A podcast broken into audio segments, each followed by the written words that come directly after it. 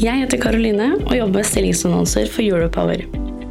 Europower har mer enn 7000 abonnenter, og podkasten du nå lytter til, har mer enn 300 ukentlige lyttere. Hvis du er på jakt etter ny jobb, se stilling.europower.no. Ta også gjerne kontakt med meg dersom du ønsker å annonsere ledige IT-stillinger i fornybar energibransje. Så må jeg få lov til å skyte inn at det brenner på 5000 bensinstasjoner hvert år. Sånn at det å håndtere alle ulike drivstoff er beheftet med, med risiko. Du lytter til en podkast fra NOE, energibransjens digitale kanal. Den 10. juni eksploderte en Uno X-stasjon. Eksplosjonen var så kraftig at den ble registrert på seismiske instrumenter nesten tre mil unna. Jeg heter Skjult Kristian Aamodt, er gründer og administrerende direktør i Energy, energibransjens digitale kanal. Med meg i studio i dag så har jeg Steffen Møller Holst, som er markedsdirektør for hydrogenteknologi i Sintef. Energibransjens ukeslutt presenteres av ledige stillinger på NOE.no. Hydrogenstasjoner i både Norge og Danmark stenges eh, nå midlertidig. Toyota og Hyundai, som leverer hydrogenbiler, har midlertidig stoppet utlevering. Steffen, først, hva er hydrogen? Hydrogen er en energirik gass som kan benyttes i ulike sammenhenger, som drivstoff i kjøretøyer, som du er inne på eh, innledningsvis, og også som energilagringsmedium for f.eks. For fornybare energikilder. Uh, tidligere i år så skrev vi i Energy om Varanger Kraft i Finnmark, som skal produsere karbonfri hydrogen fra vindkraft. Hvordan produserer man hydrogen fra vindkraft? Eh, alle fornybare kilder som eh, vind, sol, produserer elektrisitet. Og elektrisiteten kan da benyttes til å spalte vann i eh, det vi kaller vannelektrolyseteknologi. Og det som skjer på, i, i Finnmark, i Varanger, altså på Raggovidda, på Varangerhalvøya, det er nettopp vannspalting.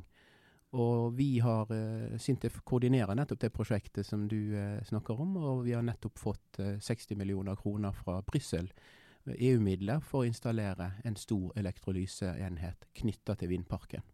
Eh, Så da blir på en måte resultatet eller outputen fra vindparken er da ikke vanlig eh, strøm, men, eh, men hydrogen? Vi bruker deler av strømmen fra vindturbinene til å spalte vann, og da får vi hydrogen og oksygen. Og vi ser faktisk både på bruk av hydrogenet som drivstoff og i, oksygen i oppdrettsnæringen. For oppdrettsnæringen trenger oksygen for å få optimal vekst i smoltanlegg f.eks.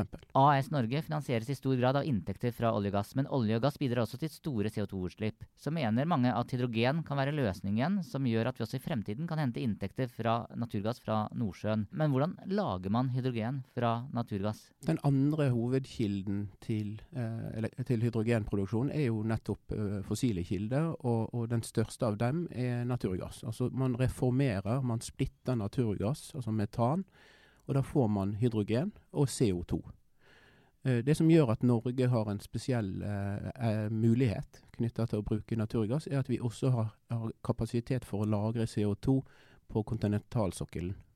Og den kombinasjonen er unik. Vi har store naturgassressurser, vi har også mulighet til å ivareta CO2. Og da står vi igjen med muligheten til å konvertere til hydrogen, og heller eksportere en ren energibærer framfor naturgass, som i dag eh, gjør at Europa slipper ut store mengder CO2. Ja, for, for fra hydrogen så kommer det ikke eh, utslipp? I sluttbruk så gir hydrogen kun eh, vanndamp igjen, eller vann, og, og i så måte er helt, er helt ren i, i anvendelse. Men, men hvis, dette, hvis dette er så bra, hvorfor har ikke hydrogenbiler på, på privatmarkedet slått bedre an? Hvorfor er det elbiler som har tatt av? Det er to hovedgrunner til det. Det ene er at tilgjengeligheten på hydrogen har vært eh, ganske begrenset i Norge. Antall modeller eh, som bilprodusentene har, har eh, levert er ganske få, eh, per dags dato tre. Eh, det, det er økende, dette tallet. Eh, men så er det så at mens elbiler kan lades hjemme, så kan du ikke fylle hydrogen hjemme. Og det er egentlig en, en av hovedårsakene. Altså tilgjengelighet på drivstoff er, er den forskjellen vi, vi ser resultatet av. Vi har 160 hydrogenbiler ca. i Norge per dags dato. Eh, hva, hva annet kan hydrogen brukes til? Ja, altså Det som var drivkraften helt fra slutten av 1980-tallet, faktisk, var uh, å bruke hydrogen som drivstoff i kjøretøyer. Men så kom, ble man mer og mer oppmerksom på, på klimautfordringene, og da ser man at det eneste løsningen der er å gå vekk fra fossile kilder og, inn, fase inn fornybare kilder. Og fornybare kilder kommer når det passer de. Vinden blåser når, det, når den gjør det. Solen skinner midt på dagen. Og da trenger man energilagring i stor stil. Og jo mer fornybar energi vi har, jo mer energilagringskapasitet trenger vi. Og her har store internasjonale selskaper som, som Siemens f.eks. regner seg fram til at den eneste måten å få lagret så store energimengder på, er nettopp hydrogen. Så hydrogen kan brukes som energilagringsmedium i stor stil, og som drivstoff. Så det er de to hovedårsakene, eller argumentene for å bruke hydrogen. Så, så, det grønne skiftet i Europa, der man skal fase ut kull, uh, få mer vind og, og sol inn, det er også med på å dra uh, hydrogen inn, som gjør at vi kan videreføre norsk, salget av norsk naturgass? Definitivt. Og det kom helt, en helt ny rapport fra, fra, i Brussel nå, fra kommisjonen, som heter Climate Neutral Europe 2050. Og der står eh, hydrogen eksplisitt som helt avgjørende for å kunne nå 1,5-gradersmålet til IPPC, IPCC. Eh, du kommer rett og slett ikke utenom hydrogen hvis du ønsker å få en, en klimanøytral eh, energisektor. Energibransjens ukeslutt presenteres av ledige stillinger på NOE.no. Uh, i en tidligere podkast pratet jeg med Steinar Eikås i Eknor, og han fortalte at de på en fabrikk i Nederland kunne redusere CO2-utslippet tilsvarende utslipp fra hele Norges bilpark, altså mer enn to millioner biler, ved å konvertere ett enkelt gasskraftverk fra å gå, fra, uh, gå, på hydrogen. Altså fra gass til hydrogen. Uh, hvor realistisk er det å få til slike konverteringer? Teknologisk sett er det absolutt mulig. Uh, og det medfører riktighet at dette 1,3 gigawatt-anlegget vil tilsvare å, å, å kutte alle uh, CO2-utslipp fra alle norske personbiler. Uh, det er, det, er, det ikke da mye viktigere å, å, å fokusere på på industrien enn å jobbe for å få vekk eh, bensin- og dieselbilene? Det, det satses stort på begge, begge, områder. Initielt, som jeg sa, så var det dette med eh, attraktiviteten i, som drivstoff som var drivkraften. Så kom dette med energilagringsmedium. Men det er klart, for å få store volumer og redusere i, i stort monn eh, CO2-utslippene, så vil ett enkelt sånt industrianlegg trekke veldig mye, eller monne mye mer enn det et, en bil her og en bil der. Så det, det, medfører riktighet. Men vi gjør begge deler. Altså Det er en stor satsing i Europa. To milliarder euro jobber vi. Jeg sitter i styret for den satsingen. Vi håndterer to milliarder euro eh, i, i, Horizon 2020-perspektivet. Uh, eh, og, og, neste iterasjon på den satsingen kommer til å bli enda større.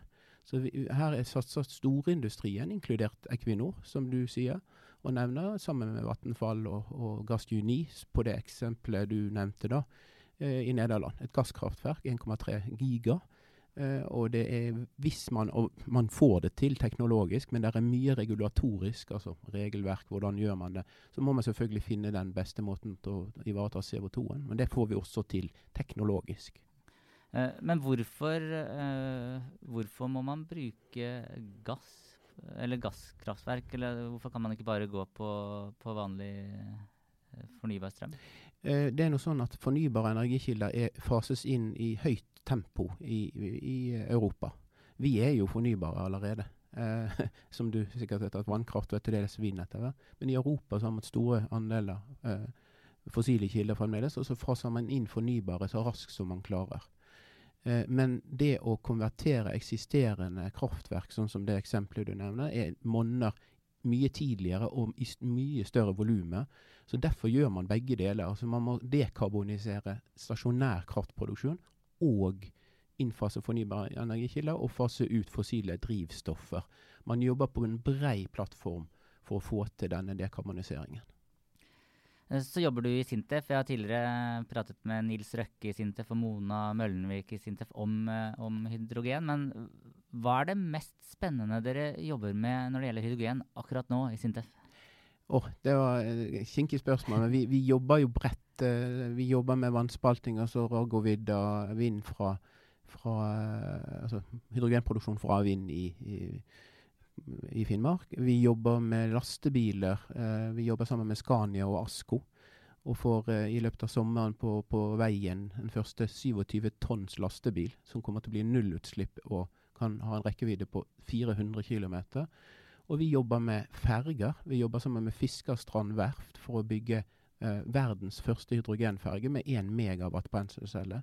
Og innenfor maritim sektor er det også svært spennende muligheter, ikke minst knytta til verdiskaping. Men Norge ligger helt i front når det gjelder eh, skip og lavutslipp og etter hvert nullutslipp på skip. Er Norge avhengig av å lykkes med hydrogen for å kunne eh, videre lykkes med gass? Ja, jeg tror det. Etter den forståelsen jeg har for, for uh, energipolitikken i Europa, så vil man etter hvert uh, måtte fase ut import av fossile energikilder. Det koster Europa i størrelsesorden 1 milliard euro per dag å importere fossile energikilder. Og det er klart at det er en drivkraft også økonomisk for å bygge fornybart selv, og sørge for at det man må importere, er karbonfritt.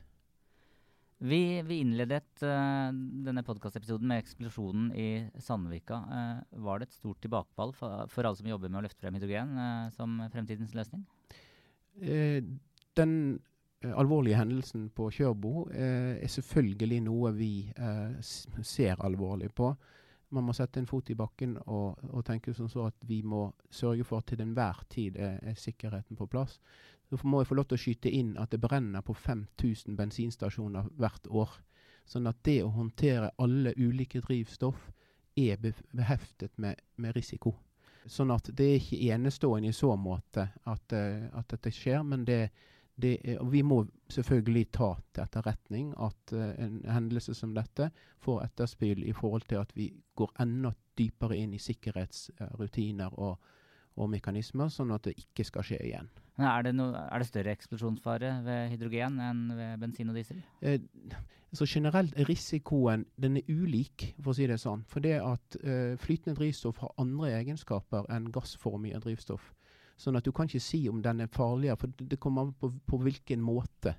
Uh, den, uh, hydrogen har helt andre egenskaper. Det er den letteste gassen vi, vi uh, har og det letteste molekylet som fins. Derfor stiger det rett opp. Det har sine fordeler i noen sammenhenger. At det ikke er et flytende drivstoff som, som renner ut under f.eks. en bil og brenner. Men, men vi må håndtere ethvert drivstoff ut ifra de egenskapene eh, det har. og Derfor vil man også ha ulike sikkerhetstiltak, avhengig av hvilket drivstoff man, man håndterer. Ja. Ja, og Så spør du om dette her eh, vil gi tilbakefall for hydrogensatsingen. Uh, det er et sånt enormt moment internasjonalt. Dette er helt oppe på ministernivå. I fjor høst var jeg med på ministermøte i Tokyo.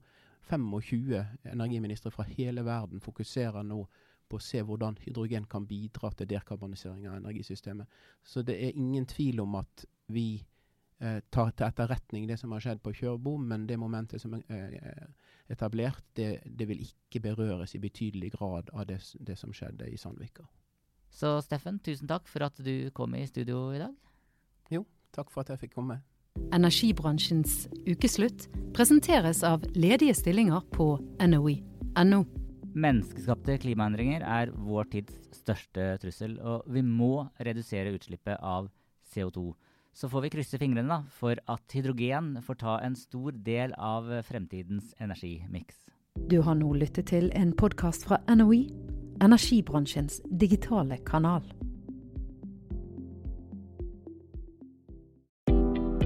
Jeg heter Karoline og jobber med stillingsannonser for Europower. Europower har mer enn 7000 abonnenter, og podkasten du nå lytter til, har mer enn 300 ukentlige lyttere. Hvis du er på jakt etter ny jobb, se stilling.europower.no. Ta også gjerne kontakt med meg dersom du ønsker å annonsere ledige IT-stillinger i fornybar energibransje.